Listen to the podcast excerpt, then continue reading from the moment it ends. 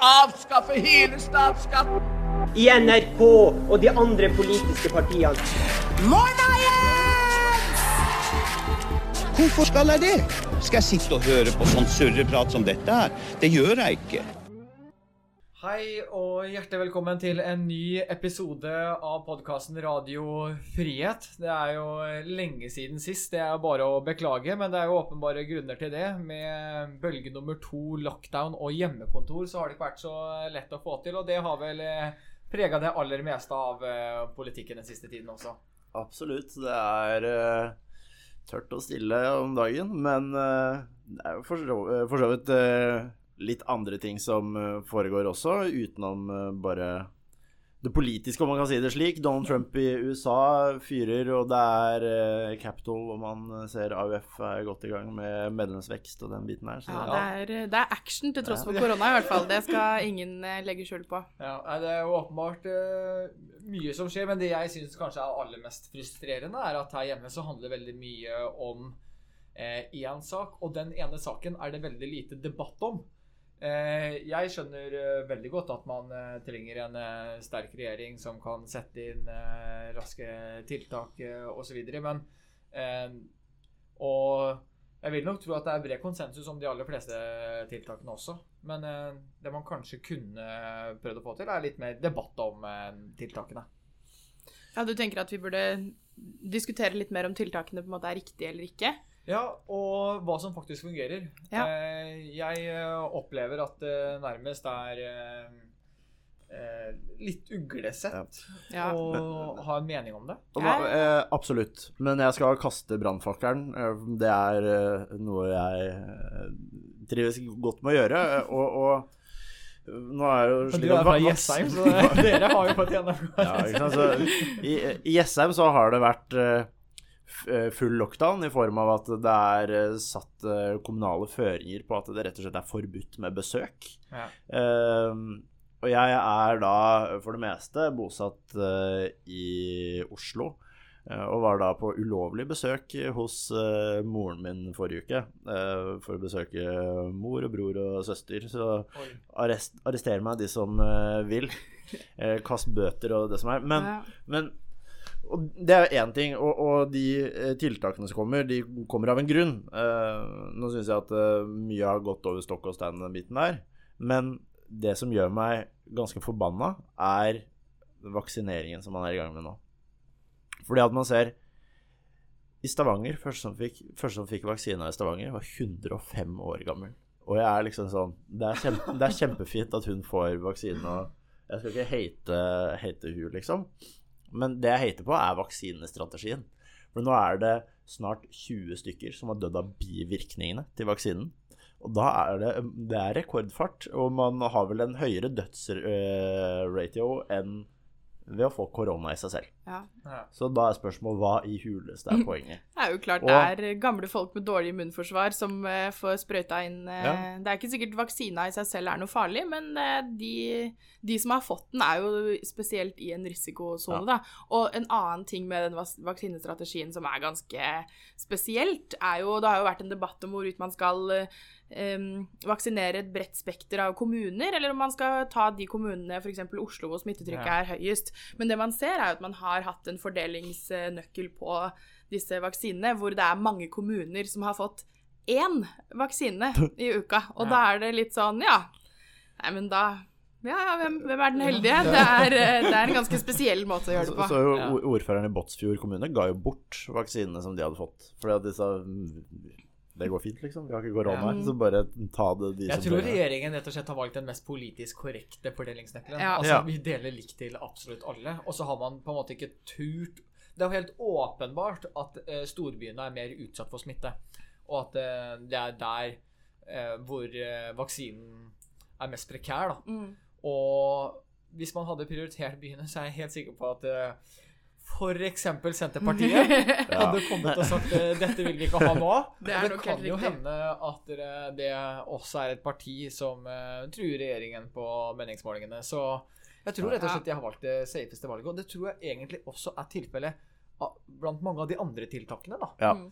at uh, man ikke har turt å ta et sånn tydelig standpunkt på hva som egentlig fungerer og, og ikke. Det er og det er jo- den debatten jeg savner litt. Og så Ja. er ikke jeg sånn eh, smittevernsekspert som vet nøyaktig hvilke tiltak som funker og ikke. Men, uh... Men, men jeg tenker jo et veldig tydelig eksempel i hvert fall sånn altså fra mars i fjor og til nå, så merker man veldig godt at nå er valgkampen i gang. Det er liksom, Man overbyr hverandre i å være best på smitteverntiltak. Sånn som vi snakka om Ullensaker, f.eks. Mm. Der er det jo sånn Å, vi skal være strengest i klassen. Det er, eh, det er litt sånn eh, stemning. Og Raymond Johansen som uansett hva regjeringen sier, så er det sånn Nei, i Oslo vil vi ha det sånn.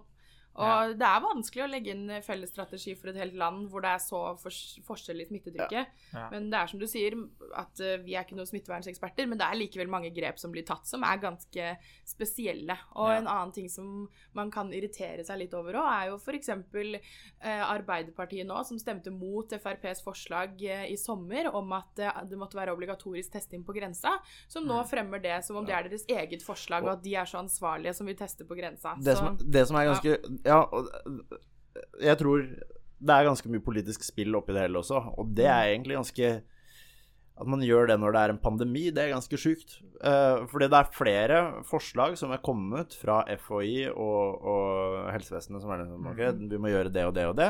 Og så sier Bent Høie, som har eh, to år med hotelledelse som utdanning, og sier nei, vet du hva, det tror jeg faktisk ikke at vi skal gjøre. Uh, det har ikke jeg noe tro på. ja. Og Altså, hvem, hvem er Bent Høie, da? Ja. Til å komme og utfordre Camilla Stoltenberg og, og, og, og Nakstad og den gjengen der på faglige beslutninger, Ja. men sier nei, det skal ikke vi ha noe av. Og det Det er tror helt utrolig. Det man ser, da, det er jo faktisk at øh, eh, restriksjonene som regjeringen har kommet med, har vært i de fleste tilfeller strengere enn FHIs Mm. øh, forslag. Uh, og det er jo ganske spesielt at regjeringen legger liksom eh, går lenger. Man skulle jo tro at det, FOI var de som gikk lenger, eller Mm. liksom foreslo eh, strengere tiltak, og at regjeringen holdt igjen på den andre siden uh, av hensyn til folks frihet, uh, uh, næringslivet, folks økonomi, arbeidsplasser Ja. osv. osv. Men så har det blitt en sånn greie hvor det er um, ja, det, det er nærmest forbudt å kritisere Mm. koronatiltakene, restriksjonene, og at ja, det, det blir en sånn pissekonkurranse Ja. om å være strengest mulig, da. Mm. Og det jeg også tror folk sliter litt med å forstå, det er eh, f.eks. det med at en stol eh, var det samme som en eh, Mm. benk. Det, det er ikke det samme. En benk Mm. kan være fire meter bred. Det er ikke en stol. Nei. Og da har liksom folk litt vanskelig med å forstå eh, hvorfor det skal settes i samme bås. da. Og, Jeg sliter fortsatt veldig med å forstå det. Det er jo fortsatt nå som det er eh, har vært en ny lockdown hvor man Mm. virkelig ikke Du skal ikke ha besøk i hjemmet ditt og noen ting. Mm. Så er det jo fortsatt lov å være 200 stykker på steder med fastmonterte seter, mens Ja. man eh, ikke skal møte naboen. Det er Jeg sliter litt med å forstå det. Hva er det som egentlig skaper smitte? da? Er det at stolen er fastmontert, eller er det avstanden mellom Mm. eh, menneskene? Hvorfor er en fastmontert stol mindre smittsom enn en ikke-fastmontert stol? Mm. Og er en stol fastmontert hvis du har stripsa den fast, eller skrudd den fast? Den må være bolta fast. Den må være bolta fast, ikke sant? Og det er jo et paradoks Hvordan skal du få det, det, det, er, det har jo ingenting med smitte å gjøre. Nei. Og så er det sånn, ja, øh, hvis det ikke er bolten som øh, er avgjørende, da, da er det armlenene. Men Mm. kan man da sette på uh, provisoriske armlener på, på benker? Det, det blir liksom veldig Ja. tåpelig, Og, da. og da de kom med disse reglene i utgangspunktet, så var det jo så mye forvirring rundt det at jeg tror de egentlig ikke forsto det helt selv. Eller de forsto ikke selv hvor på en måte mange alternativer man egentlig har, da. Og når de da skulle skrive en, fikk i oppgave å skrive en utredning for å få folk til å forstå hva som var forskjellen og hva som var lov og ikke, så var jo det en utredning på nesten fire sider for at folk skulle forstå hva som regnes som fastmonterte stoler, og hva som ikke gjør det. Og da Det er for mye byråkrati. Altså, det må være man må kunne forstå de reglene som lages, og at det skal være noe fornuft, da, eller noe som gjør at folk tenker at OK, dette er innafor, dette er ikke innafor. Hvis ikke så det er fryktelig vanskelig å følge regler som endres fra dag til dag, og som har så mye rart ved seg, da, rett og Og jeg, jeg sa jo det da pandemien startet også. For det første så må man, man må isolere de som er i risikogruppen. Ja. Det man har gjort, er at man har isolert hele resten av befolkningen. Jeg husker, jeg jobber jo på et storsenter på Jessheim, og eh, jeg husker med en gang butikkene åpnet opp igjen, i begynnelsen, altså midten av april ca., Mm. slutten av april, så er det nå, nå- nå er man kanskje sånn generaliserende, sånn, men nesten utelukkende de som var på storsenteret, det var eldre mennesker som satt på Mm. kafeen og drakk kaffe og spiste boller og sånne ting. Og liksom For all del, men det er jo de man sperrer seg selv inne for. Mm. Ja. Eh, og det, Samfunnet, det er- arbeidsplasser, næringslivet, økonomien. Det er veldig mye som blir ofra for uh... Man ser det også med vaksineringen nå. altså Man vaksinerer Gjerterud på 105 år og Toralf på 97, ikke sant? Mens kanskje det kunne vært en idé å rulle ut vaksinen til eh, de som er friske, som vet at du tåler vaksinen, og så, kan man, så er man heller sikre på at eh, man ikke smitter de som da er i risikogruppen. Mm. Fordi at eh, man har hele tiden hatt liksom Vi skal lukke ned hele samfunnet fordi at vi skal uh, redde mennesker som allerede er mange år over forventet levealder. Og det er en veldig upopulær mening og liksom sånn eh, Jeg drar den kanskje litt langt når jeg sier det jeg sier. Uh, litt, litt, altså litt mangel på empati. Men altså, likevel skjønner hva jeg mener, da. Jeg tror Altså, mange man- er enig i poenget ditt, eller ser poenget ditt veldig godt. Ja, det er jo hjerterått å si, Mm. men uh, Ja, om det var influensa Ja. som tok deg, eller om det var koronapandemien som tok deg, eller uh, om det var en forkjølelse, eller om det var lårhalsen, eller at du tryna i senga, eller hva det er. Liksom, det er på en måte litt sånn naturens gang også. mm. Uh, og og hvor, my hvor mange milliarder skal man investere? Hvor, hvor mange arbeidsplasser skal man ofre? Eh, altså, hvor mye studiekompetanse skal man ofre? Altså læring etc. Altså, hvor mye er det man skal ofre for å redde uh, folk som allerede eh, På en måte Ja, altså Ja. så, som ikke Og- har så mye igjen Nei, likevel. og, og en ting jeg syns er ganske bekymringsfullt med tanke på akkurat det Du snakker jo om eldre på kjøpesenter og sånne ting, men de som blir aller hardest ramma, det er jo eldre på sykehjem f.eks., som virkelig er helt Mm. isolert. Og Mm. man har jo hørt alle Mm. disse historiene med, med folk som dør alene, rett og slett, for de får ikke Ja. lov til å ha eh, besøk, og hvorfor Altså, da er det jo i hvert fall ikke noe risiko for at du blir smitta av noe hvis du Mm. allerede er døende. Ja. Og det er mange ganske sånne hjerterå historier med folk som har blitt helt isolert, ikke har fått møtt familie og venner, og det er jo em, Jeg tror for mange at det på en måte er en verre skjebne enn det å skulle få korona, da. Ja, det og tror jeg også. er jeg jo Jeg er jo helt tydelig på at vi har jo klart oss veldig bra i Norge. Hvis man ser Mm. til Sverige, f.eks., så har de mange flere dødsfall enn oss. De har ikke klart å, å ta vare på risikogruppene sine i sto, så stor grad som det vi har. Så vi har jo Mm. kommet godt ut av det. Men spørsmålet er jo da til hvilken pris. Det er Ja.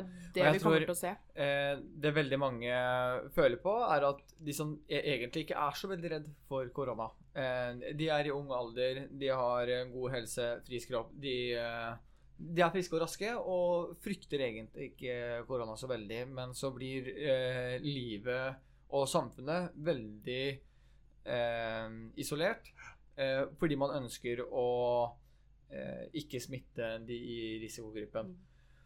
Og det, da går det jo veldig utover deres frihet. Og jeg tror mange f.eks. er eh, mer skeptiske til eh, koronavaksinen enn korona. Og da, det var en stortingsrepresentant fra Høyre som eh, skrev at eh, vi er også nødt til å la folk selv ta ansvar for eh, eget liv og helse. Eh, og ta sine egne risikovurderinger. da. Hvilken risiko er det de selv ønsker å utsette seg for? Og det er i hvert fall en debatt som jeg også savner oppi det hele, som jeg mener vi faktisk bør Mm. debattere. Er det ikke sånn at folk bør ta ansvar for egen helse, bestemme selv hvilken risiko de ønsker å utsette seg for? Hvis de er i risikogruppen, har underliggende sykdommer, ja, da bør det kanskje være eh, litt forsiktigere. Men hvis de allerede har hatt korona, er eh, antageligvis immun, eh, så har, har man ikke den, den samme risikoen, da. Nei. Men da mener jeg, vil jo kanskje mange si at ja, da nærmer man seg Sverige sin eh, linje. Eh, men da mener jeg at myndighetene har hatt dårlig kommunikasjon. Altså De har gitt dårlige råd. Eh, altså De har sagt at eh, vi klarer oss fint, det her er ikke så farlig omtrent. Har man Ja. fått inntrykk av. Så jeg mener eh, myndighetene må være tydelige på at dere, vi må ta alle forholdsregler, vi må eh, være forsiktige, holde avstand, eh, vaske oss godt, bruke munnbind osv.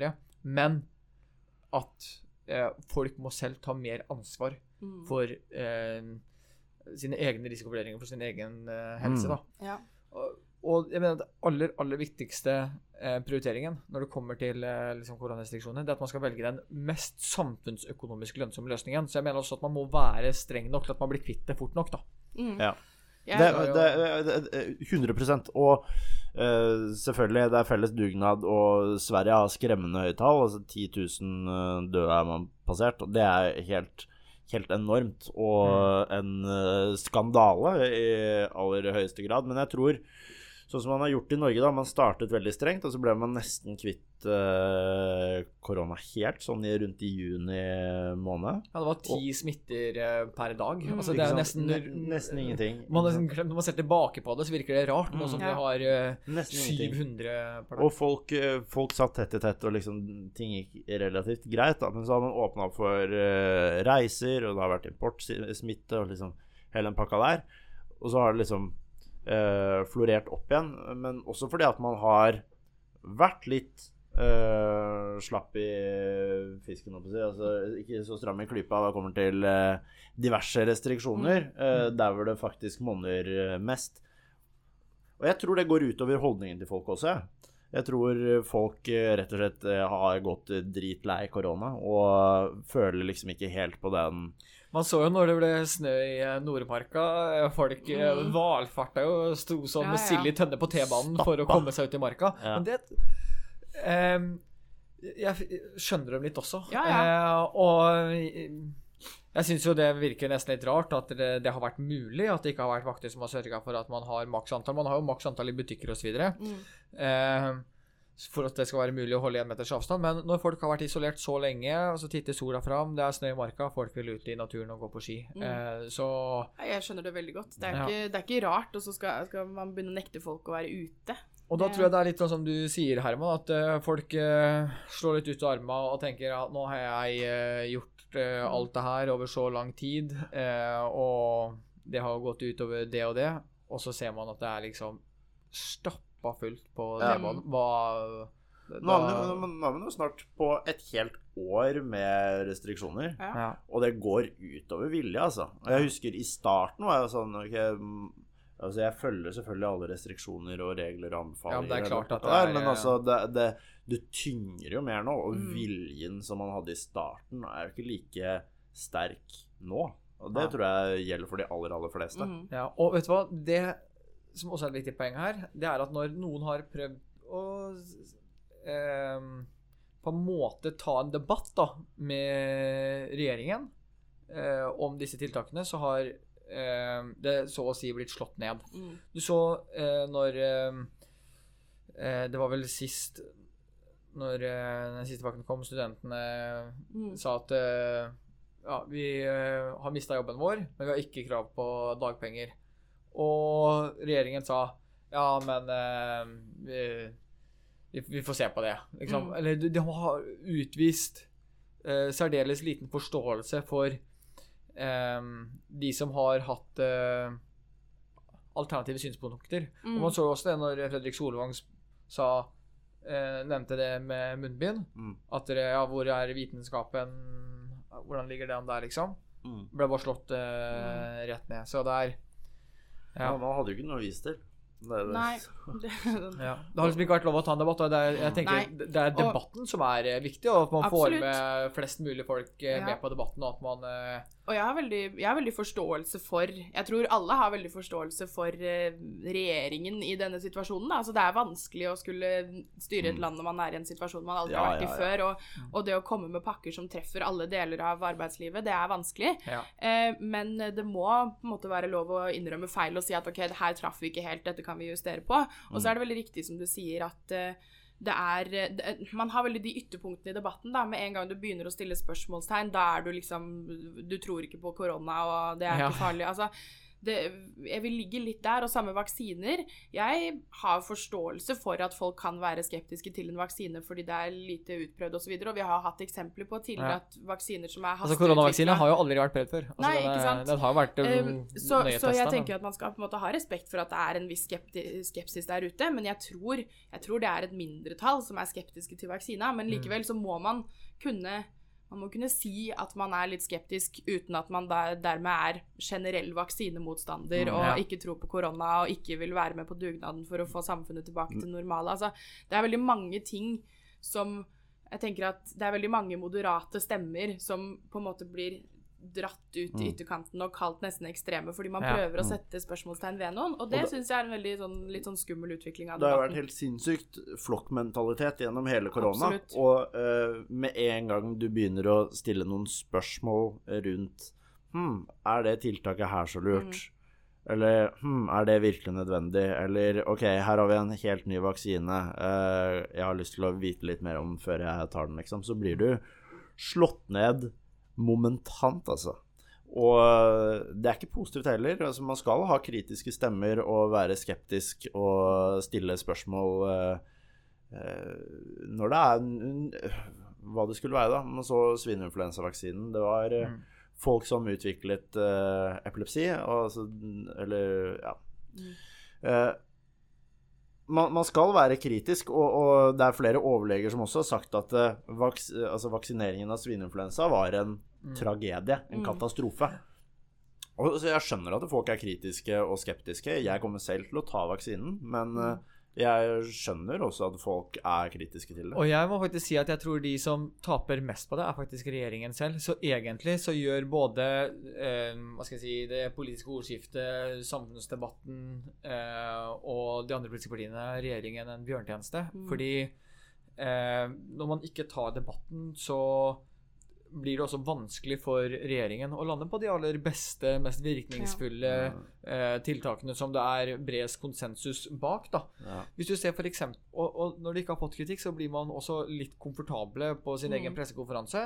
Og øh, styrer landet, og alle nikker. Det, det er på en måte veldig greit. Og man så jo når øh, øh, Når øh, universitetene fikk beskjed om å ha hjemmeundervisning likevel, den beskjeden kom for mange i seneste laget, og regjeringen fikk kritikk, så svarte Erna Solberg på øh, Twitter øh, nesten sånn eh, Fulgte du ikke med på pressekonferansen på Ja. lørdag? liksom?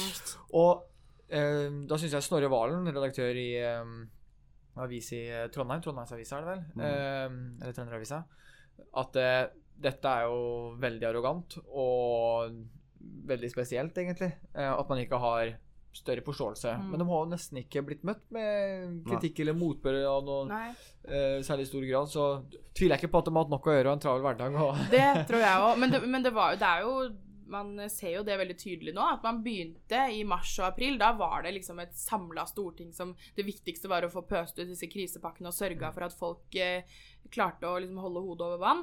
Og da så man jo også at eh, Stortinget gikk inn for veldig sånn brede forlik, og man var stort sett enige om det meste. Ja. Men jeg tror kanskje det også har ført til at man man eh, er redd for at nesten sånn de politiske skillelinjene skal viskes ut. da. Det Ja. Siste så har det politiske bildet i Norge vist, vært veldig preg av at man er veldig opptatt av å få fram de politiske forskjellene og vise hvem som er for og imot hva, da. Mens regjeringen bruker mye tid på å forsvare sin egen politikk, så bruker de andre mye tid på å finne disse feilene, kanskje, eller de Ja. tingene som man ser har ikke slått ut så godt, Ja. da. Så valgkampen eh, er i gang, og det blir Valgkampen spennende å, å se hvordan eh, framtiden blir i norsk politikk. Ja, og det er jo kanskje Nå er det mye korona, det er sikkert de aller fleste lei av eh, for lenge siden. Men eh, det er kanskje det mest eh, interessante og slash frustrerende når det kommer til den øvrige politiske debatten, at det blir lite rom for andre politiske Mm. saker. Og det er vel i USA det hvor det har vært det mest spennende. Eh, Ja. Det virker ikke, ikke som om demonstrantene foran Capitol Hill brydde seg så mye om korona Nei, akkurat. det- Men, Det Nei, si. men det er jo ikke så mange andre politiske saker som eh, står på dagsordenen. Klimaplan har jo vært lagt frem av eh, regjeringen. Ja. Den har jo eh, skapt noen debatter, senest på NRK i går. Den mener jeg faktisk er så eh, eh, ytterliggående at jeg er imponert over at regjeringen kan foreslå så elendig politikk. Ja, det er ganske utrolig. Eh, Det er jo eh, sosialisme i- stor grad. Ja, ja, ja, Det, altså, det er helt, helt innsides. Regjeringen har gått i knestående for miljøbevegelsen Mm. og uh, gjør egentlig jobben til MDG. Uh, Gjør og uh, egentlig uten grunn. Altså Jeg ser for meg Mm. at Senterpartiet Jeg kan ikke forstå annet enn at de sitter på kontoret sitt og holder på å le seg i hjel og Mm. jubler. Fordi De får alt, de. Ja. Ja. Det er, jeg hørte jo på eh, om det var Debatten eller Dags 18, hvor eh, Jon Georg Dale bl.a. var der, sammen med en fra MDG. Og da snakket de om det at eh, eh, for MDG kommer da og sier ja, nei, dette er jo kjempedårlig fra regjeringen. Dårlig klimaplan. Ja. Det er ikke nok. Det er liksom Ja, dette, det er Hvor mye vil de krisetilstander. ha, Ja. Og så, og så får de Det er sånn, dette er Surprise. langt fra nok. Og så eh, kommer jo programleder og kontrer med at ja, men regjeringen har jo her faktisk foreslått en CO2-avgift på likt nivå som MDG tidligere har foreslått, og da blir det litt sånn Nei, vi må ha mer enn det. Og da kommer Jon Georg Dale, ikke sant, helt riktig, og sier men dette er jo det skumleste med hele den debatten, at MDG, som tidligere var et parti som alle sa dette er liksom krise for norsk økonomi, vi kan ikke Ja. uh, innføre MDG sin politikk, og så kommer altså en borgerlig regjering med Ja. Høyre i spissen og foreslår MDG-politikk. Mm. Det er ganske skremmende. Ja. og jeg tror jo ikke de selv har noe som helst eh, oversikt over hvor mye dette faktisk kommer til å koste, og hvordan vi skal få det til. Og for det store paradokset, og det har det jo alltid vært med MDG sin politikk, det er jo at eh, de trenger oljepenger for å finansiere politikken sin, og det eneste de ønsker å gjøre, er å legge ned oljenæringa. Og da Jeg har fortsatt ikke hørt et fornuftig svar på hvordan Og- de har tenkt å løse det. Det jeg kanskje er aller mest skuffa opp i det hele, litt som eh, du nevner, dette er MDG-politikk, men det er at Arbeiderpartiet krever enda mer. Mm. Og jeg tror det er utrolig mange arbeidere ute i eh, det ganske land som er så skuffa over eh, partiet sitt. Ja, med god Eh, grunn. Da sier jo også Senterpartiet tusen takk. ja, ja, ja. ja, ja. Og er det noen som forsyner seg grovt av Arbeiderpartiets fiasko, så er det jo Senterpartiet. Mm. De lever jo ja. på, på, på av nedfallsfrykt, nedfallsfrykt fra Arbeiderpartiet. Ja. Og, så, Uh, og jeg har besøkt mange bedrifter, uh, liksom mange andre politikere rundt omkring, og jeg har møtt så mange tillitsvalgte som Mm. nå har gått over til Sent, SV og øh, Rødt. Og sikkert en mange til. Senterpartiet også. Men det er jo et paradigmeskifte i norsk politikk når Arbeiderpartiet ikke lenger er partiet for arbeiderne. Mm. Fordi Uh, hvem er det det her kommer til å gå aller mest utover? Jo, det er arbeidsplasser. Spesielt samfunnsøkonomisk lønnsomme industriarbeidsplasser. Mm. Fordi de står for uh, utslipp. Mm. Men Arbeiderpartiet er jo ikke partiet som skal kjempe MDGs eh, Nei, det er helt uh, utrolig. Og, det, og vi har jo en viktig debatt for Frp har vært dette med CO2-avgiften, og også dette voldsomme, den voldsomme økningen som er foreslått i drivstoffpriser, bl.a., som Mm. vil være katastrofalt for transportnæringa. Og det man ser, er jo altså at vi har en transportnæring i Norge som er en av verdens mest elektrifiserte. 50% av alle nye biler som blir kjøpt i Norge, er elbiler. Og vi har kutta utslippene veldig mye på transportsektoren. Og da mener jeg at man bør heller fortsette å legge til rette for at flere skal kunne komme over og bli elektriske, men sånn som det er i dag, så har man ikke noe godt alternativ. Hvis du skal kjøre fra jeg vet ikke, jeg er fra Polen til Oslo, liksom, så kan du ikke stoppe annenhver time og lade lastebilen din. Nei. Det funker veldig dårlig. Man har ikke noen gode alternativer. Og når regjeringen da innfører så store avgiftsøkninger, det, de kommer, det som kommer til å skje da, er at næringer vi egentlig er helt avhengig av, ikke har muligheten til å drive lønnsomt lenger. Det er ikke sikkert de har muligheten til å drive i det hele tatt. Så man, man innfører bare økte skatter og avgifter, men man har egentlig ikke noen plan for hvordan de som blir ramma av det, kom, skal kunne komme seg gjennom det. Mm. Det Ja. Så det med Arbeiderpartiet også, det er liksom jeg, jeg, De har på en måte egentlig et, et, altså forskjellige partier i hvert fylke også. Ja. Mm, helt klart. Så man, man har liksom Oslo Ap, som er en hybrid av SV og MDG på Mm. landsbasis. Og så har man liksom Trøndelag Ap, som er uh, mer uh, sosialdemokrater slash eh, SP. Ikke sant? Mm. Altså man har et stort sp- sprik i laget også. Ja. Men valgkampene avgjøres som regel i storbyen også, så du skal ikke se bort fra at dette her også er et uh, litt sånt valgkampforsøk for Spesielt uh, Høyre i Oslo har vært uh, altså, Men jeg tviler på at høyrevelgerne i Oslo kjøper det òg. Jeg, jeg, jeg, jeg tror ikke eh, de uh, Høyre-velgerne på vestkanten med, med to biler, én til hytta og én til jobben, eh, er Nei, interessert i tror det klimaplanen. Eh, Det, det tror jeg virkelig Nei, nei, ikke. jeg tror ikke det heller, men jeg, det har lenge vært et prosjekt for dem å, å virke mye Ja. mer grønne, spesielt spesielt i Oslo. Det, det, er, det er helt riktig. Eh, og det de sier, eh, kutt utslippene, ikke utviklingen. Men Mm. dette kutter jo utviklingen Ja, og ikke utslippene. Ja, Eh, og, og da har de liksom bomma totalt Ja. på Mm. Og da mener jeg at dette, denne klimaplanen, den må man nok eh, gi til Venstre. Her har de eh, fått eh, store gjennomslag med enorme konsekvenser for eh, norsk økonomi og næringsliv i overskuelig fremtid. Mm. Kjenner jeg Venstre rett, så kommuniserer det vel ut av at de egentlig ikke er fornøyd likevel, tenker jeg. Så de, Ja. de høster vel de ikke denne seieren heller. Sikkert eh, krevd eh, enda mer. Men eh, jeg tror klimaplan blir enda viktigere. Det som blir interessant, er hvordan Frp skal eh, svare på den. Der er litt sånn Ja. Skal vi bare si blankt nei? Eh, totalt uaktuelt? Skal man gå i forhandlinger og si at eh, hvis vi skal kunne støtte det, så må man kreve X og Y, liksom? Eller Mm. Ja, eh, det, er, det er vanskelig å forholde seg til, men, men det store problemet liksom, med norsk klimapolitikk, det er at jeg tror ikke nordmenn egentlig er Jeg tror alle er opptatt av at man skal bidra på sin måte og leve litt mer miljøbevisst, men, men alle tiltakene som blir foreslått, det går så kraftig utover hverdag, hverdagen til vanlige folk, ikke sant? Det er helt vanlige folk som må betale prisen for utslipp som er helt ubetydelige i det store bildet, da. Er, vi er et langstrakt land. Folk trenger f.eks. å kjøre bil. Du kan ikke be folk i Nord-Trøndelag om å ta bussen. Da må du i så fall ha på plass et godt nok busstilbud på forhånd. Og det er det som er det store problemet. At det, det har så store inngripen i vanlige folks liv, og de som sitter og ak Akkurat der så kan man ha, bruke litt sånn Senterparti-retorikk, for det er jo faktisk veldig mange av de som sitter midt i Oslo-gryta, som ikke har behov for bilen, som kan ta trikk og T-bane akkurat hvor de vil, som skal sitte og på en måte utvikle distriktspolitikken i Norge. Og Ja. det sier seg selv at det, det går ikke. Det er jo, og det er også, vil jeg tro, mye av grunnen til at Senterpartiet har gjort det så bra i det siste. Og du ser Arbeiderpartiet også, det dere snakket om med liksom Oslo Arbeiderparti, den Arbeiderparti-gryta, da. De mister litt kontakten med de andre fylkeslagene sine. Ja. Det er veldig ofte eh, da det ble foreslått eh, Bø kommune, f.eks., som kutta i formuesskatten, da fikk de jo bl.a. støtte fra flere Arbeiderparti-ordførere rundt omkring som sa at ja, men dette er faktisk den eneste muligheten vi har til å få folk til å flytte ut til oss, da, for å få flere Ja. inntekter til kommunen. Og det, det at Arbeiderparti-ordførere ser på en måte problemet i distriktene, da, mens Arbeiderpartiledelsen og de som faktisk sitter i Oslo og kanskje Mm. legger føringene for hvordan de skal drive politikken sin, ikke ser de samme utfordringene. Det er jo det som gjør si at folk at- blir forbanna. Jeg har litt sympati for eh, Jonas Gahr Støre, faktisk. Fordi jeg tror ikke han har en lett jobb. Eh, jeg tror han eh, Han blir jo kalt Vingle-Jonas, men det er ikke så rart når det er et vingleparti. Det er ikke så lett å ha et tydelig budskap når Arbeiderpartiet som organisasjon Mm. sliter med å finne seg selv. Og jeg tror mye av det som har svekka Arbeiderpartiet de siste årene, er at AUF har fått eh, stort gjennomslag. Mm.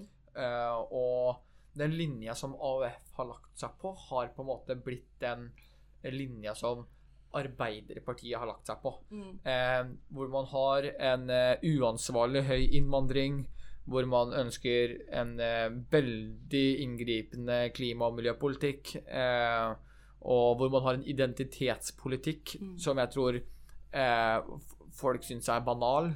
Eh, jeg tror man på en måte har eh, Arbeiderpartiet som bautaen, styringsdyktige, rasjonelle partiet for arbeiderne i by og land.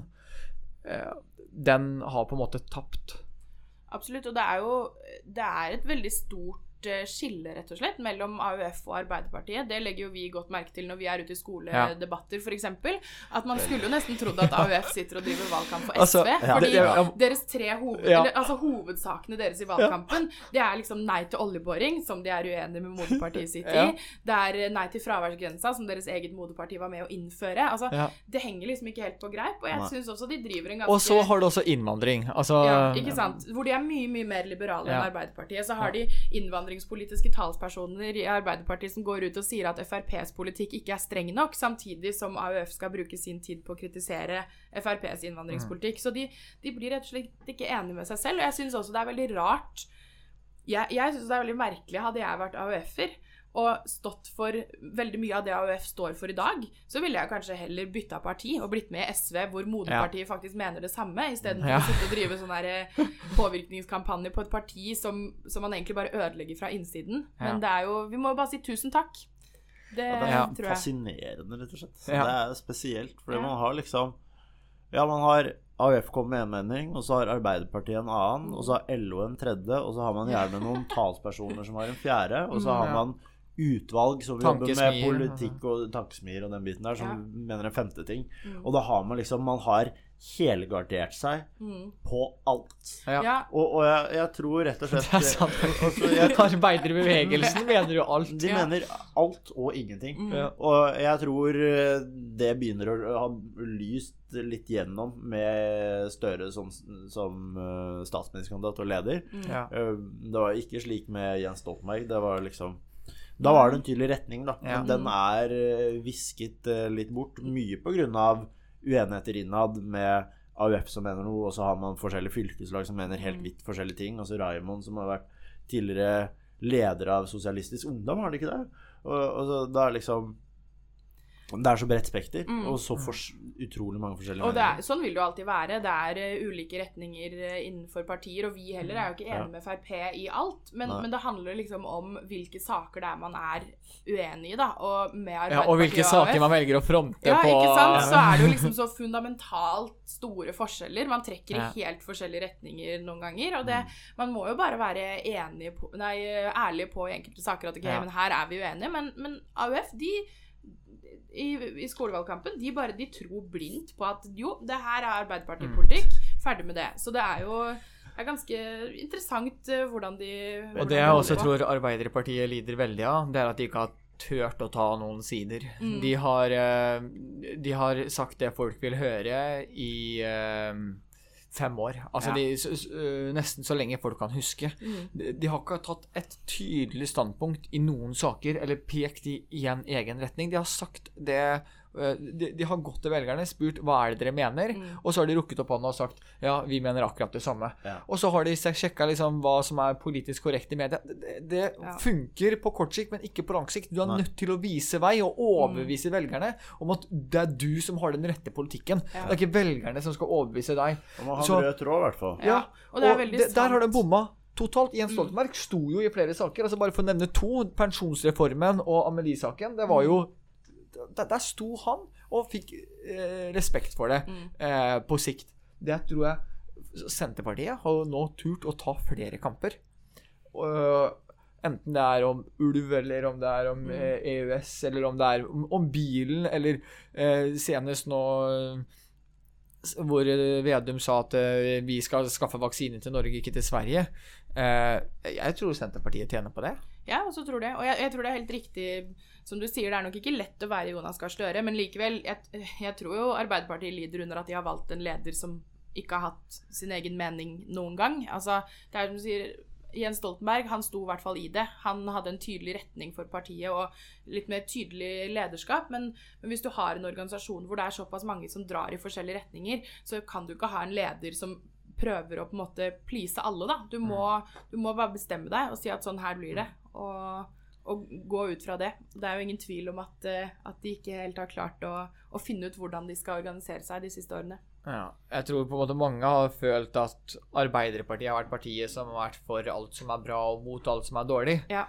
Eh, og det er en linje som eh, eh, jeg tror til slutt vil slå sprekker, da. Mm. Eh, Og den, folk, eh, folk er ikke dumme. Jeg tror folk skjønner at man faktisk må finansiere de forslagene man har. At man, som du sier, man kan ikke bare være for alt som er bra. Alle er jo for det som er bra, men Ja. eh, de fleste andre skjønner at man må ha en plan for å få det til, og Ja. man må ha penger for å gjennomføre det. alt er en vektskål.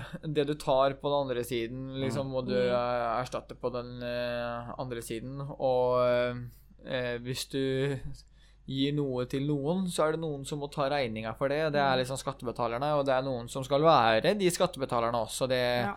Så det, man, det, det handler om å finne en eh, balansegang. Det, man kan ikke bare være for alt som er bra og mot alt som er dårlig. Man er også nødt til å gjøre noen tøffe prioriteringer, og det er de prioriteringene jeg tror folk savner i Arbeiderpartiet. da. Mm. Mm. Eh, hvilken side er det de velger? Ja. Jeg tror man savner det generelt i, i norsk politikk også, egentlig. Ja.